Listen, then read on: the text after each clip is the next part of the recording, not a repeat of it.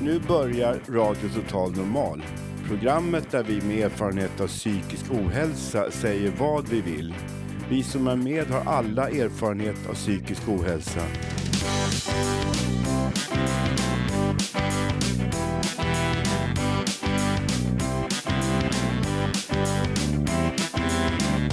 Du lyssnar på radio Total Normal.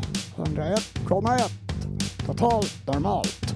Radio Total Normal, torsdagar från två till halv fyra. Vi livesänder med publik från Götgatan 38 i Stockholm. Kom hit och lyssna. Här är alla röster lika värda.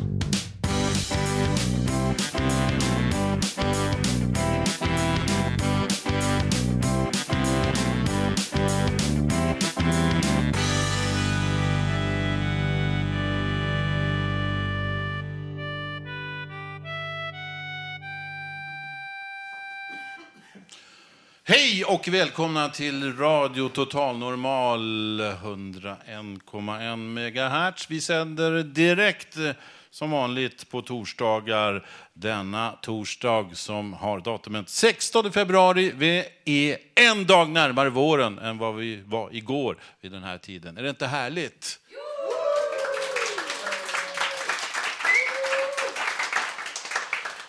En entusiastisk publik har samlats här på Götgatsbacken 38 i Fountain House-lokaler där vi sänder live ända till halv fyra idag. Som vanligt en och en halv timme eh, varje torsdags eftermiddag. Idag har vi ett digert program som vanligt. Bland annat så ska vi höra en intervju med Jörgen Räder som är psykoanalytiker och så har vi även en annan gäst eh, som heter eh, vad var det nu? Han är generalsekreterare för föreningen Psykisk hälsa. Kalle von Essen heter han. Och i övrigt mycket. Eh, bland annat är vi ute på stan och eh, intervjuer och annat eh, smått och gott. Dikter och annat eh, tänkvärt eh, ska framföras ända till 15.30. Mitt namn Dagens programledare Lars Wilhelmsson, ni är alla hjärtligt välkomna såväl framför radioapparater, datorer eller denna livepublik här på Götgatsbacken 38.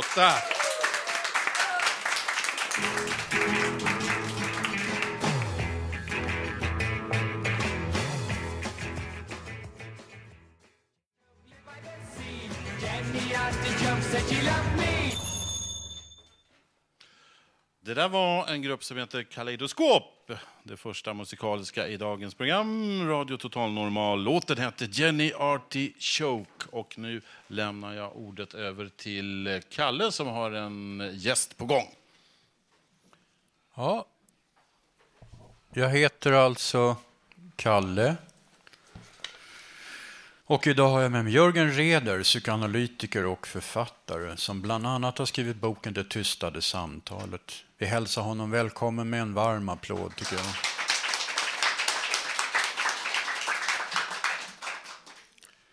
Ja, kan du berätta lite mer om dig själv och vad du har för projekt på gång just nu? Ja, i korthet så eh, är jag som sagt psykoanalytiker och också författare. Ehm, bakom författare så döljer sig ehm, en ehm, forskarkarriär också, så jag är också docent i pedagogik.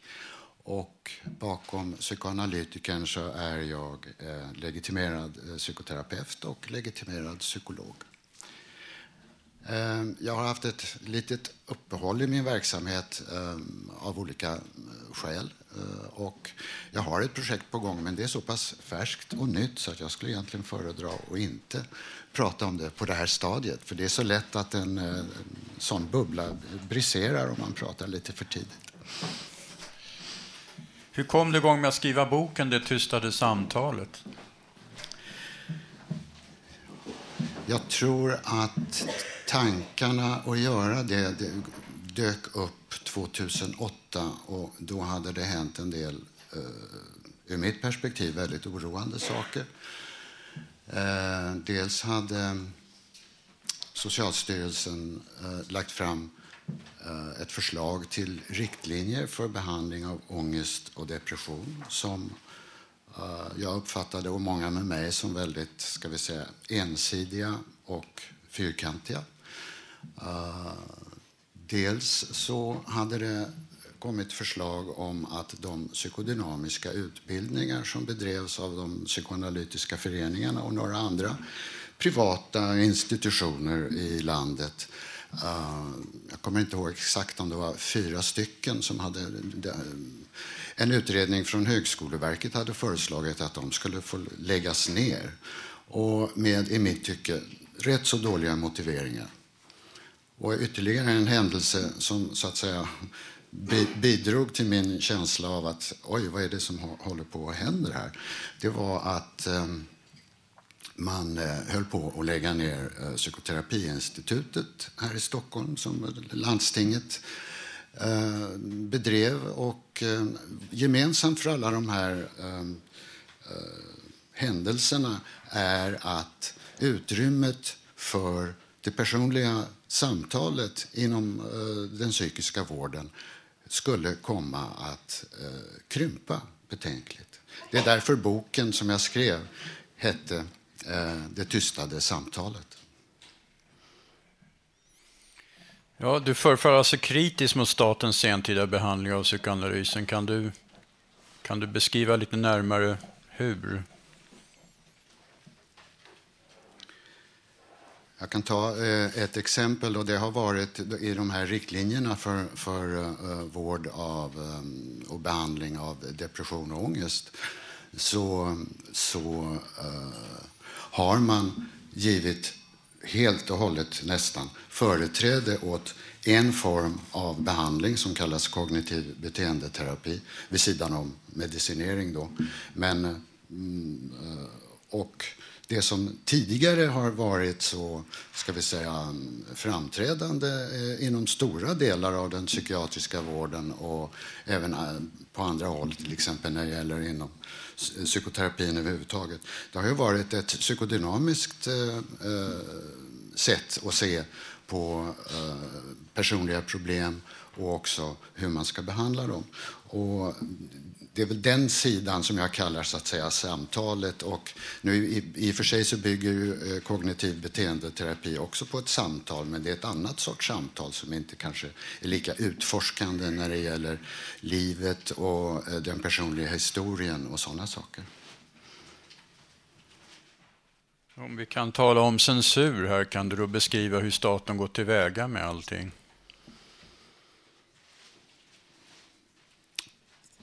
Jag tror inte att det är egentligen fråga om en direkt censur, men det är en, det är en ska vi säga, eh, relativt, i små steg en undanmanövrering av eh, det psykodynamiska eller psykoanalytiska eh, inflytandet inom de här områdena som har med psykiatri och psykoterapi att göra.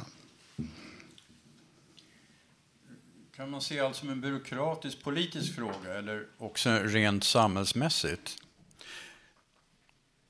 Jag tror att det är uttryck, alltså psykoanalysen och den psykodynamiska terapin hade en eh, storhetstid under 70 och 80-talet. Och nu är det ju så med nästan alla saker som, som eh, eh, vi går igenom i samhället. De har sin liksom, Eh, topp och så har de sin nedgång och sen kan de komma tillbaka i nya skepnader.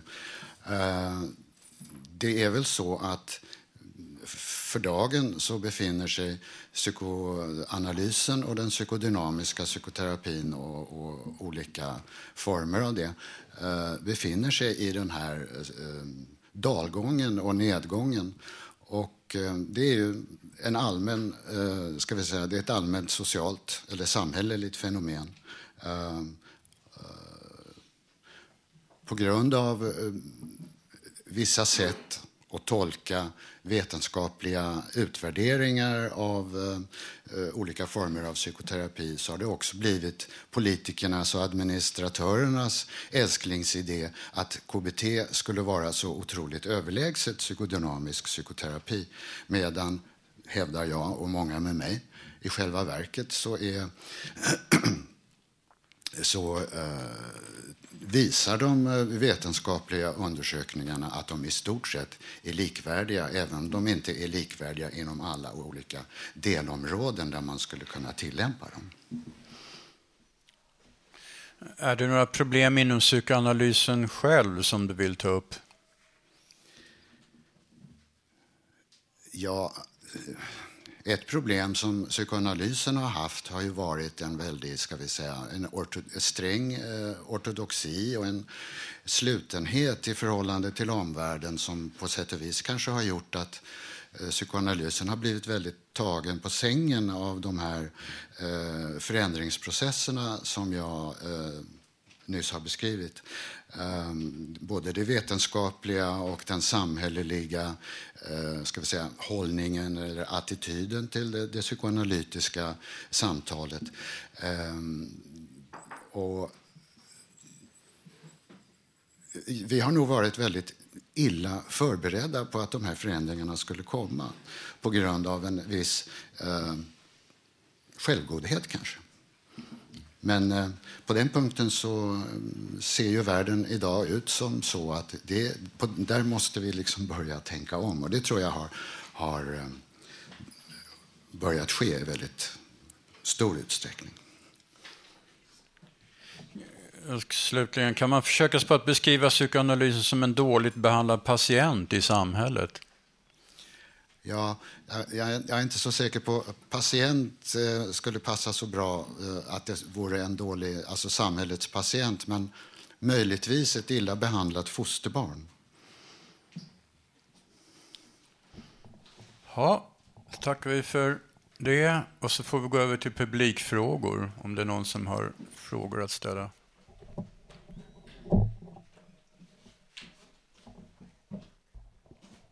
Här har vi en som vill prata lite.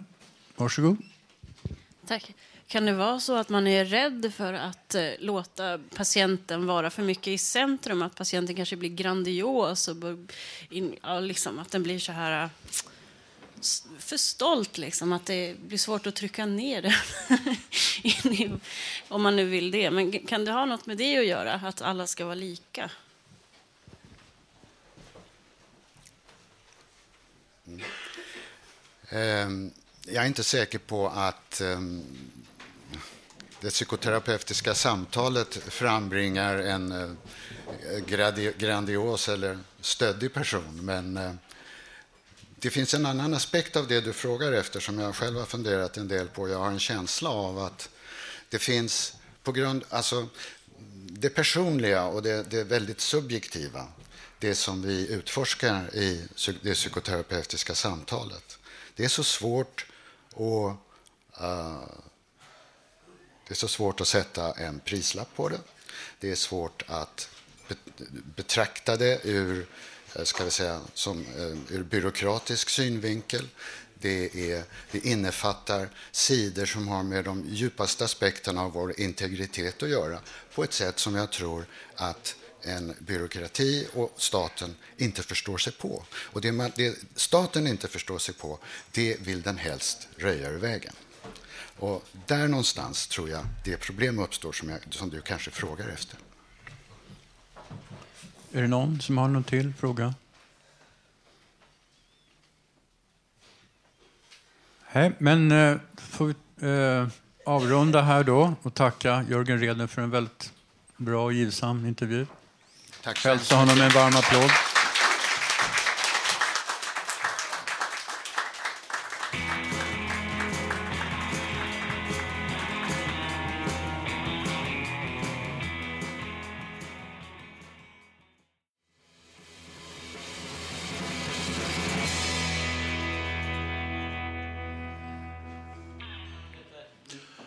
Det var en grupp som heter Arms och låten heter Worrying ska det vara eh, uttalsmässigt. Jag hoppas det var ganska rätt i alla fall. I eh, Radio Total Normals program denna torsdag den 16 februari. Ja, nu kommer ni inte undan längre. Det är inte långt kvar nu förrän ni får Ja, får och får, men man är väl, det går väl inte att undgå. Björn Ranelid i Melodifestivalen, vad säger du om det? Vi, eh, jag tänker, var det inte bättre förr? Vi hade Lill-Babs, Lill Lill Lindfors och Siw Malmkvist, Östen Warnerbring och alla de här som var med. Vad har vi nu? Ja, Torsten Flink, Sean Banan, Thomas Di Leva och Björn Ranelid. Vilket gäng! Hur tror ni det går här imorgon? Ja, ni har inte hört låten än, men ja, han är ju, det är en färgstark kille, speciellt på Facebook. Eh, brun utan sol, det blir ju brun utan sång kanske, men vi ska väl ge honom chansen. Sean Banan, han eh, kom ju inte vidare. Jag såg en recension av hans film idag. Han har gjort en film med Kikki Danielsson och allting och den fick en nolla i betyg.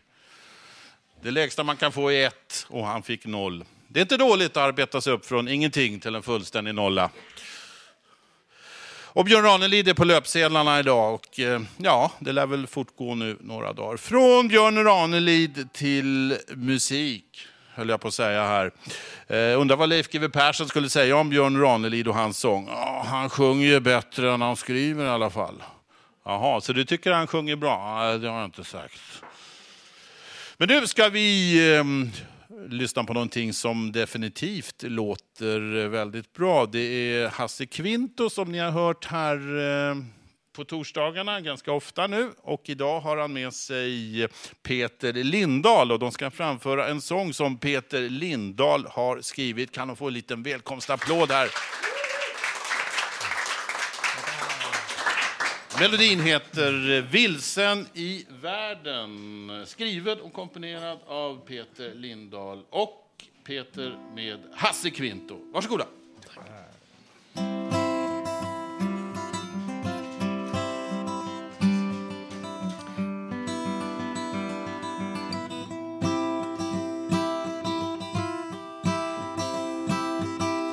Du är min vän när jag var mycket rädd och så ensam och vilsen i världen. Du kom till mig då jag var oförberedd på att någon skulle med mig på färden. I slutet av april när tiden stod still och alla längtan av längtan Då lyste din fyr ifrån stormarnas hamn och bjöd in mig från den ändlösa fjärden. En sliten och medfaren havsresenär söker lä i lagunernas stillhet. Söker skydd ifrån allt som känns svårt i hans liv. Där du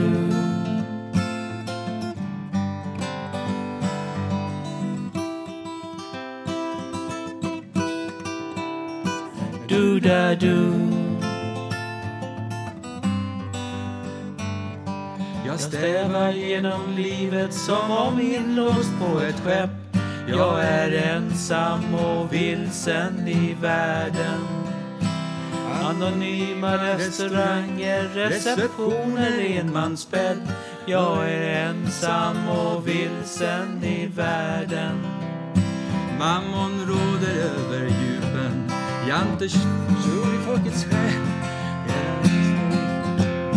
Havet vinner bara väl Men nu lyser din fyr ifrån stormarnas hamn och styr in mig från den ensliga fjärden. En sliten och erfaren havsresenär söker lä i lagunernas stillhet. Söker skydd ifrån allt som känns svårt i hans liv.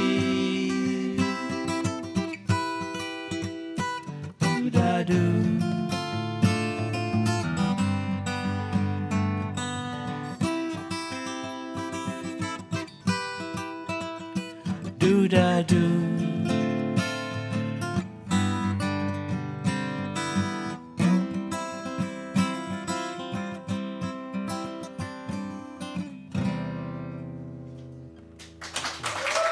Tack så mycket. Tack.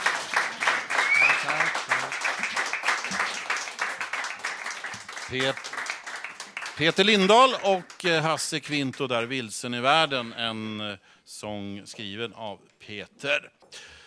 Det kan man kalla för samarbete. Vet ni vad nordiskt samarbete är? Jo, det är en svensk som ger en norrman en dansk skalle i en finsk bastu på Island.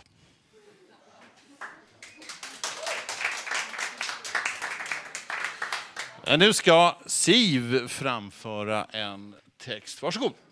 Ja, tack så mycket. Nu ska jag berätta hur det kan gå när man är nybörjare i data. jag hade köpt en data utan några kunskaper. Ah, man lär sig nog, tänkte jag. Jag hade hört talas om bredband och det skulle dras i huset. Och internet skulle också gå förstås. Så jag tog allt på en gång. Jag tänkte ju faktiskt gå en datakurs till hösten. Och en tisdag kom det en jättetrevlig man och ringde på. Han skulle installera mitt bredband. Jag hade tagit lite mascara på mig och kyssäkta läppstift. Han frågade mig var proppskåpet låg. Proppskåpet, sa jag. Ja, vet inte fröken vad proppskåp är för något? Nej, inte riktigt, sa jag. Ja, du kan titta där uppe till hörnet. Jag tror att det där är något. Ja, det är bra, sa han lite buttert. Han hade redan ledsnat på mig och min, mitt kaffe och nybukta bullar. De stod där och glodde på mig. Ja, var har du vägguttaget då? Där kan du stoppa in den, sa jag för att lätta upp lite hela. Ja, jag menar kontakten. Okej, okay, sa han, då går vi vidare här. Och så började han dra sladdar i taket. Och då var jag riktigt förbannad på honom och så sa Menar du att jag ska gå upp på en stege för att kunna dra eller sätta igång datan? Nej, nu får det vara nog, sa jag. Nej, det går så bra. Du trycker på hårddisken. Hårddisken.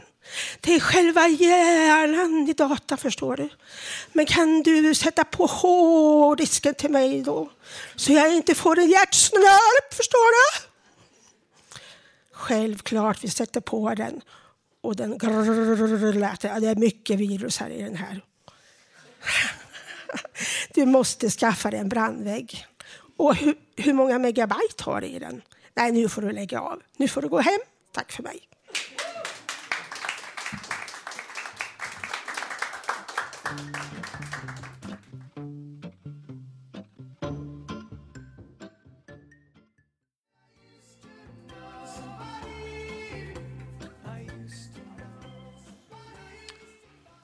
Somebody I got to use to know heter den låten. Gottjaj. Det var lite svårt att uttala grupperna idag, men jag hoppas att det var någonting som påminner om det rätta uttalet. Detta i Radio Total Normal direkt från Götgatsbacken 38. Och de som har tagit sig hit, det är inte så få idag faktiskt, i eh, vårt kök, Fountain House kök, där vi sänder live. Eh, har ni fått kaffe? Jag ser att någon äter där borta också. Smakar fikat då? Ja. Okej. Okay. Och nu eh, står Thomas beredd att intervjua Carl von Essen. Eh, välkomna, varsågod. Tack Lars, och Tobias Torvid heter jag. För de som inte vet det. Ja, det här känns jättespännande. Nu står jag här med självaste generalsekreteraren från psykisk hälsa, Carl von Essen. En stor applåd till dig. Tackar. Tack, Hejsan Carl, välkommen hit. Tack. Jo, nu får du jättegärna berätta om föreningen Psykisk hälsa för oss. Jajamän. Vi är en förening som har funnits eh, väldigt länge faktiskt, sedan 1931, i drygt 80 år. Eh, och eh, jag har varit aktiva ända sedan dess. Arbetar i princip kan man säga, med tre saker. Dels att stödja personer som kan må psykiskt dåligt och behöver hjälp i någon form. För det andra att utveckla kunskap kring hur man kan främja den psykiska hälsan. Vi ger till exempel ut en tidning som heter Psykisk hälsa som nu också finns att köpa ut i handeln. Och för det tredje så arbetar vi med opinionsbildning också. Bra det. Ja, jag tänkte fråga lite vad ni vill med er verksamhet. Ja, det är ju, det är ju att helt enkelt eh, människor, vi alla, ska må bättre faktiskt. Det låter ju väldigt kanske pretentiöst, men det är ju faktiskt det det handlar om. Att vi ska må psykiskt bättre och må bättre. Mm. Och då tänkte jag fråga dig då, hur kan vi i samhället förbättra och underlätta er verksamhet kring psykisk hälsa?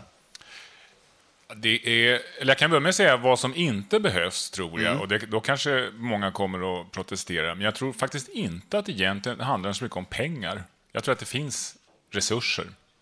Utan det handlar snarare om hur man använder resurser. Och om man ska peka på några saker så tror jag till att börja med ett problem är att man tänker alldeles för stuprörsaktigt, att man har liksom specialister inom ett, inom ett antal olika discipliner, olika vetenskaper. Eh, man har stuprör inom myndigheter. Eh, exempelvis tror jag det är ett väldigt stort problem att det inte är bättre samarbete mellan vården och socialtjänsten och sådana institutioner som skolan exempelvis. Jag tror exempelvis att man ska tala specifikt om unga barn och deras psykiska hälsa eh, så skulle en, en mycket bättre samordning behövas mellan skolan, socialen och, eh, och vården. Bara för att ta ett, ta ett exempel. Mm, precis. Och du nämner att ni har funnits sedan 1931, det är alltså över 80 år. Ja. Och då undrar jag, hur har ert arbete med psykisk hälsa förändrats genom åren? Jag tror till att börja med att man kan säga att det finns en mycket större insikt om att det här är ett, ett viktigt område och som man måste närma sig med ödmjukhet och engagemang och eh, inte minst humanism, liksom en humanistisk människosyn. Jag menar, när vi bildades då, 1931, då, då lobotomerade man ju fortfarande människor. Det gör man ju faktiskt inte längre. Så att det har ju hänt en hel del och det har hänt mycket positivt. Men eh, mycket återstår ju såklart. Eh, jag tror att, att eh, just bland det viktigaste är någonstans att människosynen har, har förändras radikalt. Eh, det, det finns en, en mycket större insikt om att människan är komplex. Och jag tror också att någonting som är positivt är att, att eh, det har ju liksom funnits tecken till att man bara ska se väldigt medicinskt på frågan, att det handlar bara om medicin exempelvis. Och att det handlar om en kombination av åtgärder och där både arv och miljö spelar in, där medicin är en viktig del, men naturligtvis lika, lika viktigt är ens omgivning, eh, olika former av behandling. Och som vi hörde här förut av eh, eh, psykoanalytikern Reder, att, att kunna anpassa exempelvis behandlingsformer efter olika typer utav, utav diagnoser och så vidare. Och att det inte bara är KBT som gäller och inte bara psykodynamisk terapi som gäller, utan det är någonstans att faktiskt utgå från människan. Ja. Och då undrar jag också, Carl von Essen, hur stort utrymme känner ni att ni har att påverka med psykisk hälsa? Jag, jag tycker nog att vi har ett, ett, ett, ett så pass stort utrymme som vi bör få ha. För naturligtvis måste man ju lyssna på alla möjliga aktörer. Eh, och jag, jag tycker att, att man lyssnar faktiskt. Men exempelvis förra året hade vi ett seminarium där vi bjöd in Göran Hägglund, socialministern, och han kom faktiskt och var genuint intresserad. Sen får man ju se vad det liksom leder till. Men det finns ju definitivt ett, ett jag tycker nog det finns ett intresse och en, en, en handlingsmöjlighet definitivt. Mm, vad bra. Det är bra. Då undrar jag också lite så, vad har ni på gång just nu? Ert eh, största projekt? Ja, vårt största projekt just nu faktiskt, det är att starta i höst en webb, eh, ett webbstöd. Eh, jag var på väg att säga webbplats, men det, det är mer än så. Det är ett webbstöd för, dedicerat för unga vuxna, 15 till 25 och gärna killar, faktiskt, som mår psykiskt dåligt. Eh, för att vi vet att eh, den åldersgruppen är utsatt. Eh, tittar man på självmordsstatistik så ser det förfärligt ut. Det kan säkert många av er. Alltså, det är den absolut vanligaste dödsorsaken bland unga och i synnerhet bland killar. Eh, killar har ju en förmåga att inte riktigt veta sitt eget bästa. De har dålig social emotionell kompetens, tyvärr. Ofta, det ser man ju. Och de eh, har inte heller riktigt verktygen för att faktiskt så att säga, ta hand om sig själva. Så det här är ett, ett samarbete vi gör med en del andra aktörer, bland annat SPES, eh, alltså Brukarföreningen för anhöriga till självmordsoffer och eh, Karolinska institutet. Och tanken är att med hjälp av volontärer bemanna den här webbsidan så att den är öppen på kvällar för att kunna ta emot unga som som sagt har behov av att få någon form av stöd. Och det här finns inte idag i Sverige. Det finns ju telefonstöd exempelvis via nationella hjälplinjen. Men det finns faktiskt inte ett dedicerat webbstöd för, eh, för unga vuxna. Mhm. Jättespännande. Och då undrar jag också lite avslutningsvis, här, vad är ni mest stolta över att ha uträttat i föreningen? Ja, eh, för att ta ett par exempel. Först om man backar hyfsat långt bak i tiden, eh, ungefär på 70-talet, då eh, började vi uppmärksamma behovet av familjerådgivning, eller kanske ännu tidigare, 60-talet. Alltså vikten av att jobba professionellt med familjerådgivning. Vi tog hit många eh, ledande eh, tänkare så säga, kring detta från bland annat USA och England. Och eh, drog igång utbildningar och det ledde så småningom till att det numera faktiskt finns, eh, det är till och med lagreglerat, att det ska finnas familjerådgivning i alla kommuner. Mm. Eh, Det är en, en sak som mycket är tack vare vårt arbete. Eh, om man nu ska ta ett mycket mer färskt exempel, en fråga som vi eh, uppmärksammade mycket förra året, det var faktiskt just detta med eh, självmord och i synnerhet självmord kopplade till internet. Det var, det var mycket utifrån ett självmord som ni kanske känner till som var i oktober 2010, alltså för ett och ett halvt år sedan, då en pojke begick, självmord inför så att säga, kamerorna, fast på nätet, på Flashback. Eh, och där vi uppmärksammar behovet av att här, det här behöver man titta på i- ur alla möjliga aspekter. Först och främst kanske i skolan, att få unga att inse att, att man kan liksom inte säga vad som helst på nätet. Eh, och i synnerhet inte till ungar som verkligen mår dåligt.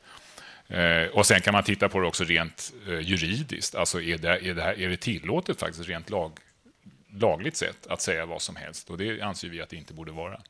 Mm. Helt riktigt. Och för att avrunda det, nu har vi fått väldigt bra information om vad psykisk hälsa är för någonting. Men om vi ska bli lite personliga, Karl, mot Ja, slutet. ja. Då vill vi gärna veta, vad har du för relation till psykisk hälsa eller ohälsa?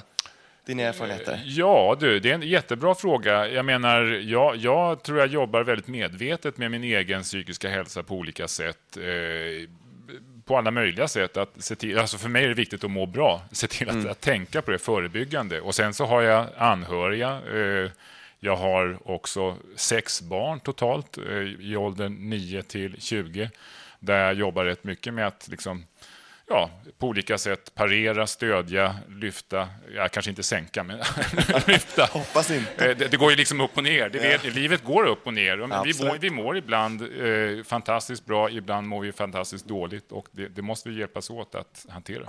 Ja. Tusen tack Carl von Essen allihopa. En stor applåd! Tack så mycket. Och innan vi går vidare skulle jag jättegärna vilja hälsa så mycket till min goda vän. Det är så kul att fler människor vågar sig hit. Och en av mina bästa vänner har letat sig hit. Hejsan underbara vän, vad heter du? Jaja. Underbart, vad tycker du om programmet? Jag tycker det är fantastiskt. Det är första gången jag är här men det har gett mig så pass mycket fortfarande. Så jag ska verkligen sprida det här och så att fler börjar lyssna på den här radion. Tusen tack, en applåd för Jaja också, att det är fler som kommer hit. Jättekul. Sådär, nu vidare till Lars.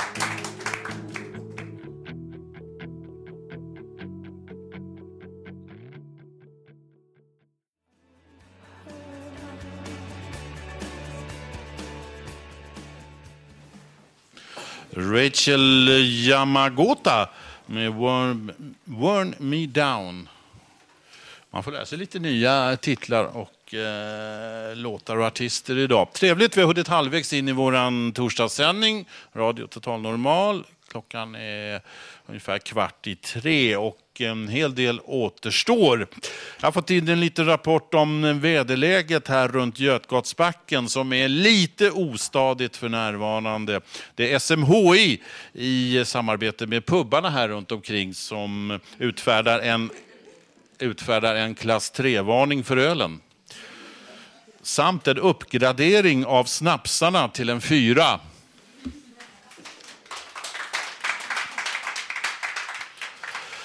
Jag tänkte på det här när man närmar sig Slussen, då har man ju en sån där eh, nära söder-upplevelse. Har ni tänkt på det? Man kommer norrifrån. Och så var det en felparkerare här, han har en sån här nära böter-upplevelse. Och sen när man eh, går in på en pub så har man en sån här nära ölen-upplevelse.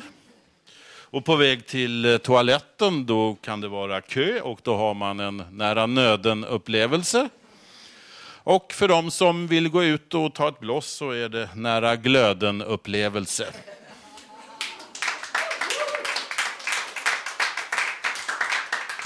Men nu eh, ska pianot få eh, jobba här. Stefan sitter vid pianot och så har vi Ida som ska sjunga. Det blir opera minsann, om någon flicka som ska gifta sig måste fråga sin pappa om lov. Ja. Ja, och stycket heter O mio babino caro.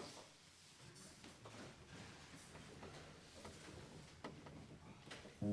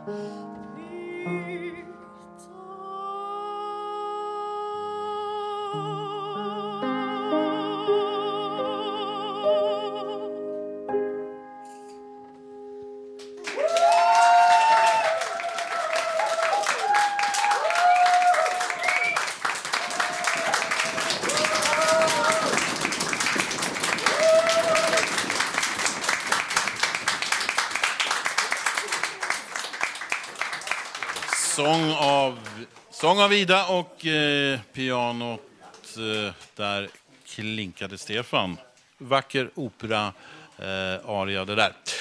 Och nu har det blivit dags att eh, bege oss ut på stan. En liten specialare av vår flygande reporter Janne. Och eh, han eh, trotsar kylan och uppmärksamheten och micken mot eh, sina kollegor här på Fountain House som omväxling.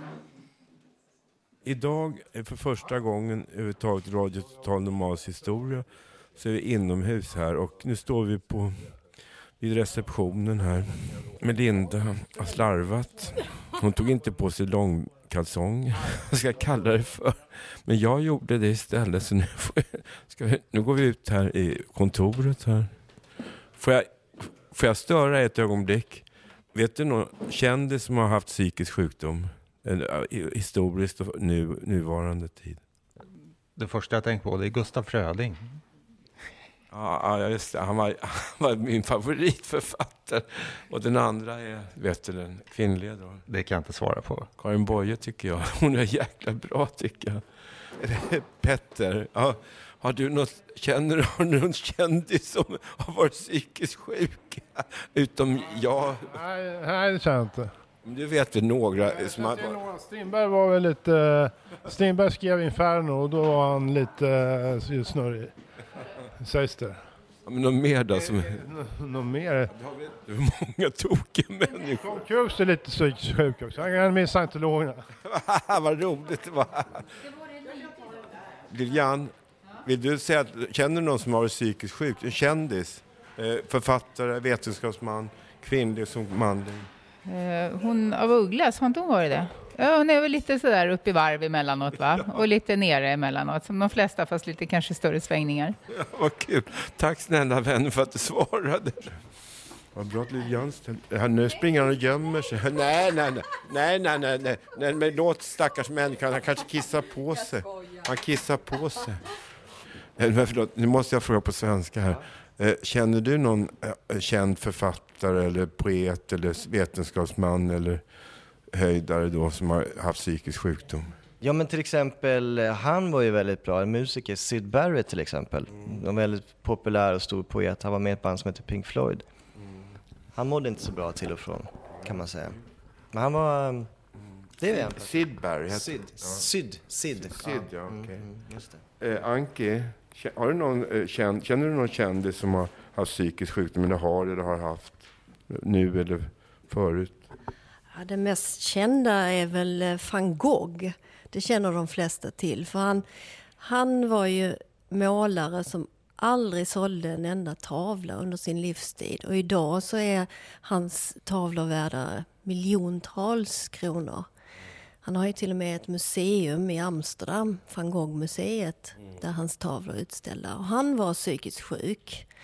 Han ska ju av sig örat. Det är vad, vad de flesta känner till honom. Eh, Han hade en bror som hette Theo, hette brodern. Ja. Ja, hans brorsa var den som såg till att han fick måla material och penslar och dukar och färg och så. Så det var hans bror som såg till att han kunde måla överhuvudtaget, för han hade inte råd att köpa själv.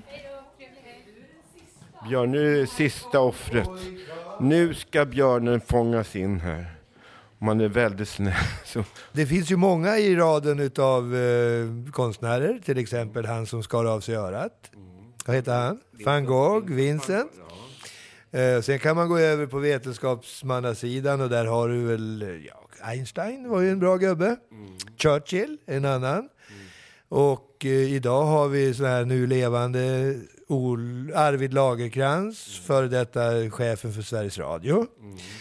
Eh, Du har en hel radda artister och jag tycker det är så fantastiskt att Ann Heberlein, Ola Salo, många andra som har eh, trätt fram i sommarpratarna i P1 och pratat om sin psykiska ohälsa. Psykisk ohälsa, det brukar man ofta liksom hålla ifrån sig som att det är en grå massa av människor utan identitet. Men eh, jag tror det är viktigt att lyfta fram de här personligheterna. Robban, alla de där galna, härliga, fantastiska människorna som likt Janne Holmbring har så nära mellan genialitet och galenskap. Ja, och det var en psykiater han sa så här. Galenska, galenskapen där man inte blir av med. Man blir inte av med psykiatrin heller.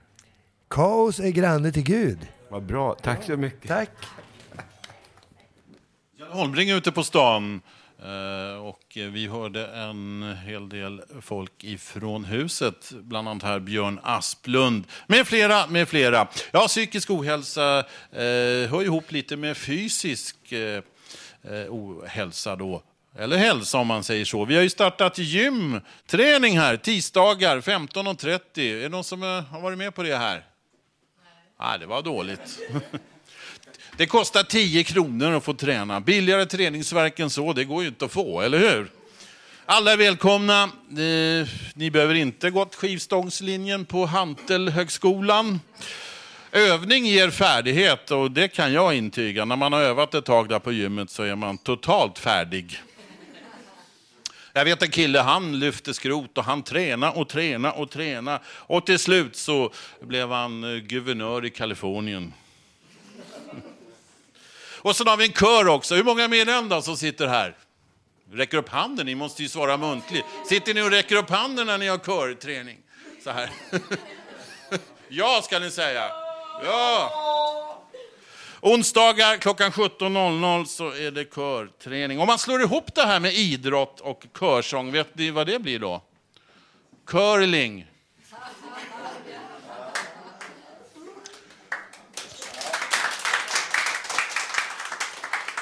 Nu ska vi ha lite mer livemusik. Rebell-Robban, varsågod.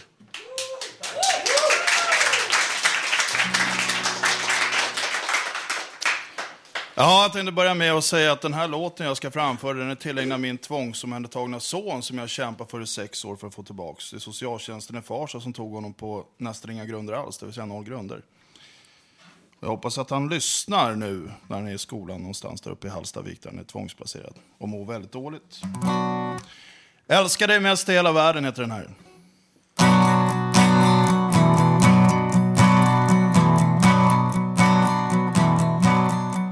När socialen tar ett oskyldigt barn bara lämnar såren kvar Saknaden efter dig som bara for. Mitt älskade barn, den är så stor. Men jag älskar dig mest i hela världen. Du är det finaste som jag har. Ja, jag älskar dig mest i hela världen.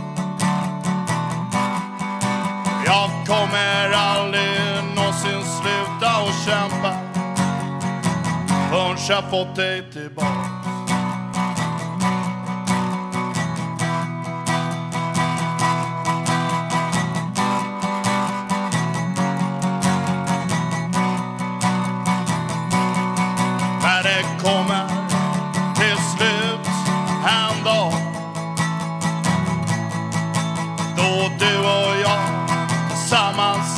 På vara När jag kramar dig ska jag viska i ditt öra? Låt aldrig socialen med dig få förstöra. För jag älskar dig mest i hela världen. Du är det finaste som jag har. Och jag kommer aldrig någonsin sluta kämpa förrän du.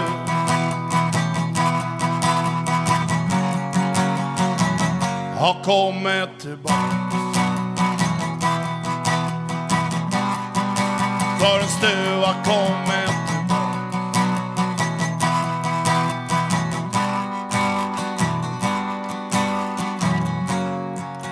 För jag älskar dig mest i hela världen.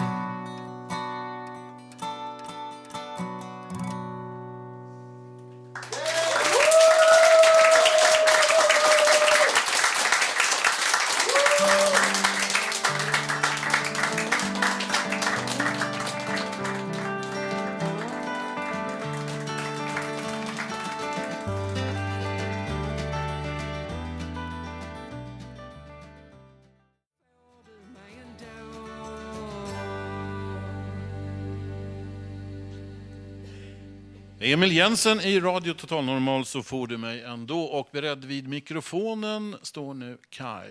Varsågod. Eh, hej, hej. Kai Wretman heter jag eh, och jag har med mig ett ord till er idag, ett okej. Okay. Det handlar om att visa fred, kärlek, ödmjukhet och empati med våra medmänniskor över hela världen, tycker jag. Och dessutom så skulle jag vilja påminna om att vi kör Ångestloppet den 23 mars och att vi har paraden i början av september. Eh, då för att föra fram psykisk ohälsa i ljuset och ut ur skammens garderober. Eh, jag hoppas att vi ses allihopa eh, då och ha det så bra och stor kram ifrån mig.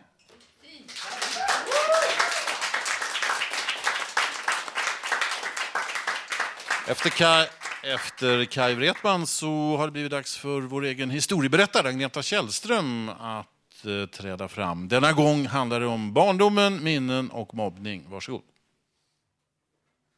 Jag ska berätta någonting som hände för länge sedan och som jag tror bidrog till att jag blev psykiskt sjuk. Hösten 1970 började jag i årskurs två i grundskolan. Min bästa kompis Katarina hade flyttat till en annan stad så jag var ensam och det hade kommit tre nya bråkiga, stökiga killar till klassen. Dessutom hade vi fått en lärarvikarie, en gammal pensionerad tant som inte alls kunde hålla ordning på klassen. De tre nya bråkstakarna tog med sig övriga killar i klassen och började mobba mig. Varje dag gav de mig stryk på skolgården. På sommarlovet mellan tvåan och trean då jag var nio år var mina föräldrar på en körresa till Rom. Jag och mina syskon bodde då hos mormor i Dalarna. Där brukade jag varje dag leka med min småkusin Roger som bodde i huset mittemot mormor. Roger var min bästa vän. En dag körde mormor oss till en badplats i närheten av byn. Det var strålande sol. Gräset var frodigt och grönt och på andra sidan staketet låg korna och idisslade. Den varma luften dallrade över vattnet som var ljummet och skönt. Det var en fullständig idyll. Rätt som det var hörde jag min mormor skrika. Det var ett skrik som skar genom märg och ben. Det var overkligt. Agneta, hjälp honom! Roger håller på att drunkna. Jag vände mig om och såg Roger kämpa i vattnet. Jag minns att jag tänkte att om min enda vän dör, då är inte mitt liv värt att leva längre. Jag måste göra något nu. Jag visste också att min mormor inte kunde simma. Så jag simmade ut till Roger och han tog tag om mig och tryckte ner mig under vattnet och jag fick panik. Jag sprattlade och slogs för att komma ur hans grepp. Det kändes som en evighet. Men allt eftersom jag sprattlade så kom vi successivt närmare land och rätt som det var så hade vi plötsligt fast mark under fötterna och vi kunde båda resa oss upp. Det var bara tur att vi inte hade hamnat längre ut istället. Det hela var över och vi hade båda klarat oss oskadda. Mormor körde hem oss i bilen och Roger gick hem till sina föräldrar. Men de närmaste timmarna efteråt gick jag omkring för mig själv i min mormors trädgård för att kontrollera att alla buskarna och träden stod kvar där de skulle. Så blev det höst och dags att börja skolan igen hemma i Stockholm. Mobbningen fortsatte. Min mamma gick till skolans rektor och rektorn svarade att om jag gör någonting så finns det risk att det bara blir värre istället. En dag då jag var på väg promenerande till skolan så blev jag rätt som det var varm i hela kroppen. Sedan såg jag plötsligt en bild av en jullångare framför mig. En stor båt som var på väg över Atlanten. Det var spöklikt och overkligt och jag förstod inte vad det var.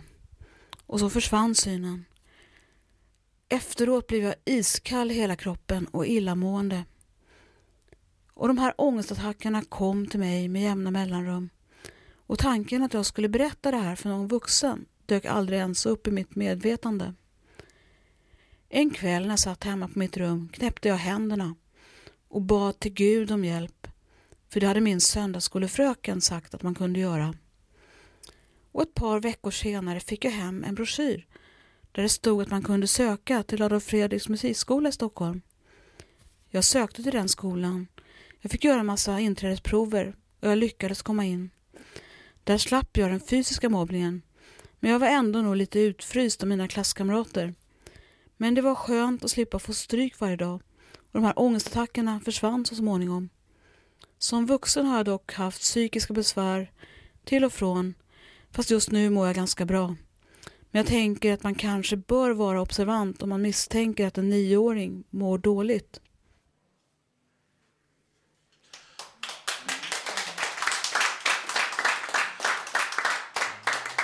Agneta Källström hörde vi där och nu ska det bli mer livemusik. Vi har Tommy nu som har tagit plats med sin gitarr vid mikrofonen och ska framföra något musikaliskt. Varsågod. Tack. Eh, Fernando Sor, det var en gitarrist som levde i slutet på 1700 och början på 1800-talet. Han skrev inte bara för gitarr, han skrev även för piano, orkester och stråkkvartetter. Mest känd är han för sina mm, etyder för gitarr då, och gitarrskolor. Och han var, mm, räknades som den främste på sin tid. Och han turnerade mycket i Europa. Och sen den här gitarristen Andrés Segovia är ju rätt så känd. Han har gett ut en bok med 20 stycken av hans uh, bästa etyder. Då. Jag ska spela en av dem, Etyd i D-dur. Thank you.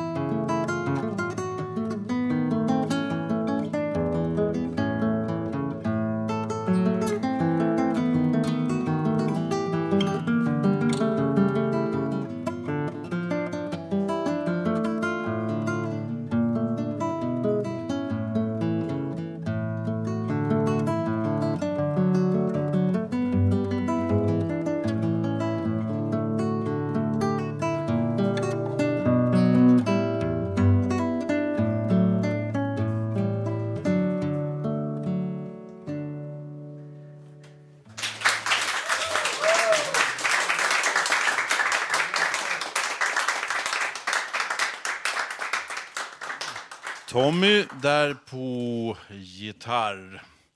Ja, det är fullt med eh, skickliga gitarrister och sångare eh, i den här stan. Steg in en kille en gång på tunnelbanan när jag åkte och ehm, började spela gitarr. Han sjöng Yesterday och eh, det lät otroligt bra. Yesterday all my troubles seem so far away. Och så, han, sjöng, han sjöng lika bra som Paul McCartney gjorde. Så att, jag brukar inte ge sådana här musikanter några pengar, men han fick 20 kronor. Men sen kom jag på, det var Paul McCartney jag hade hört, för jag hade min iPhone i öronen.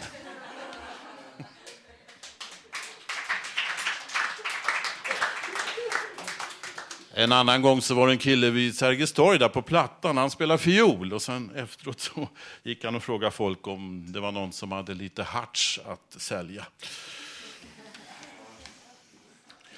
Nu ska vi få höra en text om tv som tvångsmatning av Thomas i Ungredaktionen. TV är tvångsmatning brukar jag säga. Men om man väljer varje program man vill titta på i en 30-kanalstablå, är det verkligen så då? Nej. I så fall är ett lyssnande igenom av ett 80 minuters konceptalbum världens hjärntvätt. Speciellt om det är ett metalalbum. Som kan jämföras med våldsamma tv-spel, skräckfilmer och inte att glömma deckare i bokform. Ja, böcker, dessa fördärvares fördärvare. Bara några ord kan förstöra hela min dag. Så om det skulle vara åldersgräns på något så skulle det vara att prata. Alla dessa andra korrumperare av ungdomen kan inte jämföras med när jag läste Jan Guillous Ondskan. Som faktiskt fick mig att vilja slå någon. Vilket de andra konstformerna aldrig hade lyckats med. Om man slåss kan man ju förstöra kroppen.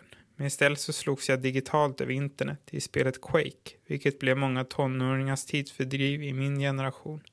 Generation Z. Z för snooze. Och vad fick jag för det? Jo, musarm redan vid 23 års ålder. Dagens generation sliter ut sig redan innan de börjat jobba. Med nöjen, och nöjen som blir arbeten. När man i massiva multiplayer rollspels på internet säljer det man spelat fram. Eller personliga bloggar som besöks av tiotusentals. Som drar in massvis av pengar i reklambanners. Och blogginläggen görs sen om till böcker och vi får självbiografier av personer i 20-årsåldern. När det finns så mycket att göra nu för tiden så bränner till och med tonåringar ut sig. Om utgångspunkten utgångspunkter från Nietzsches Det som inte dödar mig gör mig starkare skulle jag säga att vissa kommer till insikt tidigare i livet nu. Medan andra förblir barn hela livet. Och vissa blir logiska, sunda och korrekta.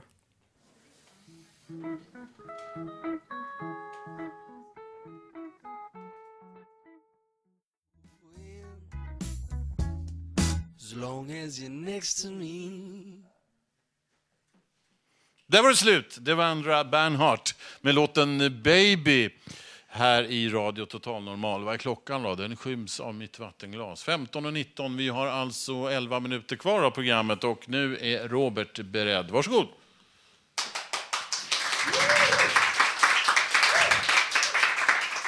Ja, det är torsdag, det är februari och det händer saker överallt.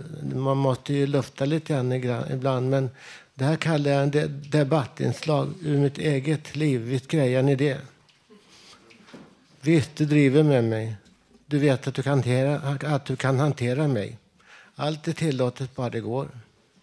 Igår hade jag handlat lite, något, lite salami, några skivor ost, en burk kattmat. När jag senare kom hem, jag blev orolig. Varför vet jag inte. Senare såg jag att, att salamin var borta. Snopet, en liten obetydlig sak. Men en tanke väckte den ändå. Jag har inte koll. Jag har faktiskt inte koll. Visst driver du mig med mig? Du vet att mig kan du hantera. Imorgon fredag, om allt fungerar, då måste jag till Kristianstad. Jag ska bort i ett viktigt ärende. Jag, jag vet inte ens om jag kommer till centralstationen. För jag har inte pengar. Kan kanske inte ta mig från Söder till stationen för en, ris, för en resa till, Skå, till Skåne. En liten sak för en vanlig människa med en vanlig mans resurser. Det funkar alltid på något sätt. Men för mig med mina rädslor och min inkapabilitet att sköta mina sociala affärer. Det ordnar sig aldrig. Och sen salamen är borta. Vem som mumsat i sig den, inte vet jag det. Men kanske negativ ofta. Men vad ska jag säga? Jag vet att, det, att, det är rädd, att jag är rädd. Och det är förbjudet att vara rädd. När jag står här, jag vet inte att det, kan, att, att det kanske inte ordnar sig. Vad ska jag göra? Fakta kvarstår. Får jag inte tag på biljetterna, då rasar allt. Och gå från, från Söder till, till centralstationen tar 45 minuter och det är mitt i vintern. Det kan man göra i och för sig. Men för en vanlig man, en liten obetydlig sak.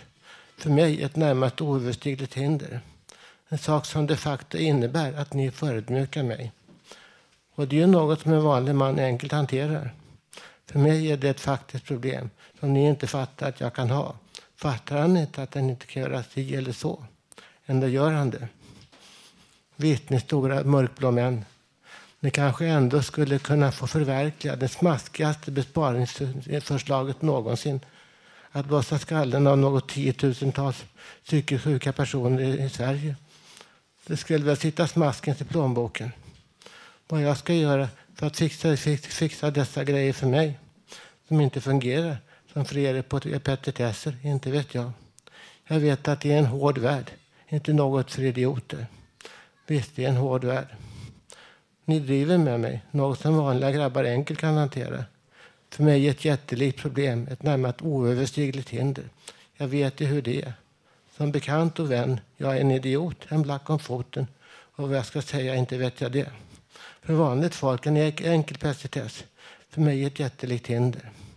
Ska jag bli tvungen att slicka dina stövlar hela vägen till helvetet?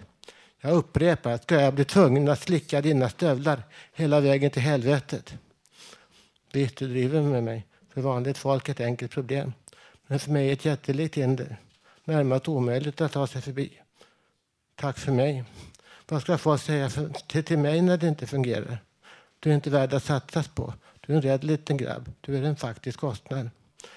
Vi kan lösa dig från dina smärtor. Vi kan hälla balsam på dina sår. Vi kan blåsa skallen av dig i besparingarnas nödvändighetens namn. Visst, du driver med mig. Lite oskyldig kanske. Inte mycket att bry sig om. För vanligt folk en petitess. För mig en jättelik bock mitt i vägen. Vad ska jag göra? Inte vet jag. Tack för mig. Hoppas salamin smakar bra.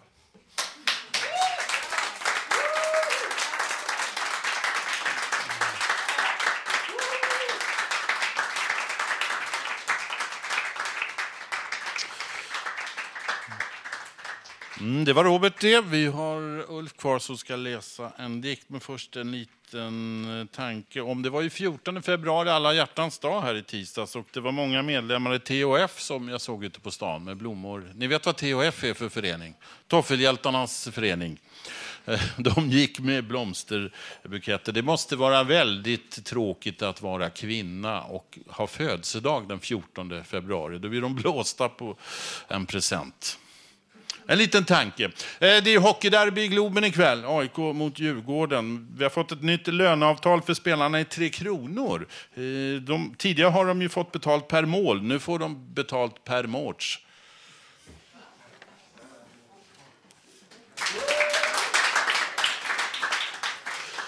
Nu märktes det vilka som var intresserade av ishockey och vilka som inte kunde någonting.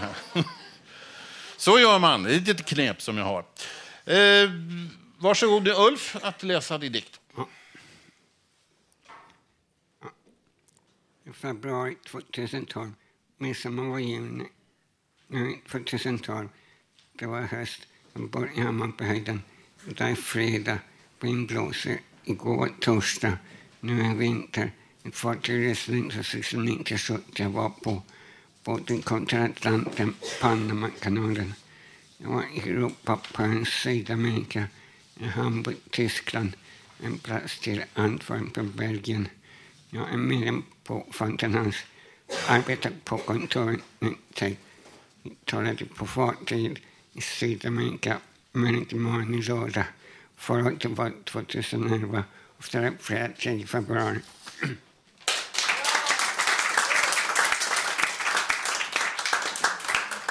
Nu börjar närma sig slutet av eh, programmet. Eh, vi har fått eh, höra en hel del idag. Intervjuer, livemusik, mycket sådant. Härlig opera och härlig gitarr och sång och och eh, allt möjligt. Trevliga, intressanta, tänkvärda gäster och så alla våra medarbetare här på Fountain House som har kommit till tals i dagens program den 16 februari. Till sist här en liten vädjan. Tycker ni om det här programmet så tala om det för era bekanta. Tycker ni inte om era bekanta, tala om det för mig. Tekniker idag, Gustav Sondén, producent Melinda Vrede, producent för Ungredaktionen Emma Lundenmark och projektledare Bodil Lundmark. Och vilka har valt musiken idag? Nadja och? Marika. Nadja och Marika. En applåd också. Kanske man får vara med också på tampen här, eder programledare Lars Wilhelmsson. Tack för mig för idag.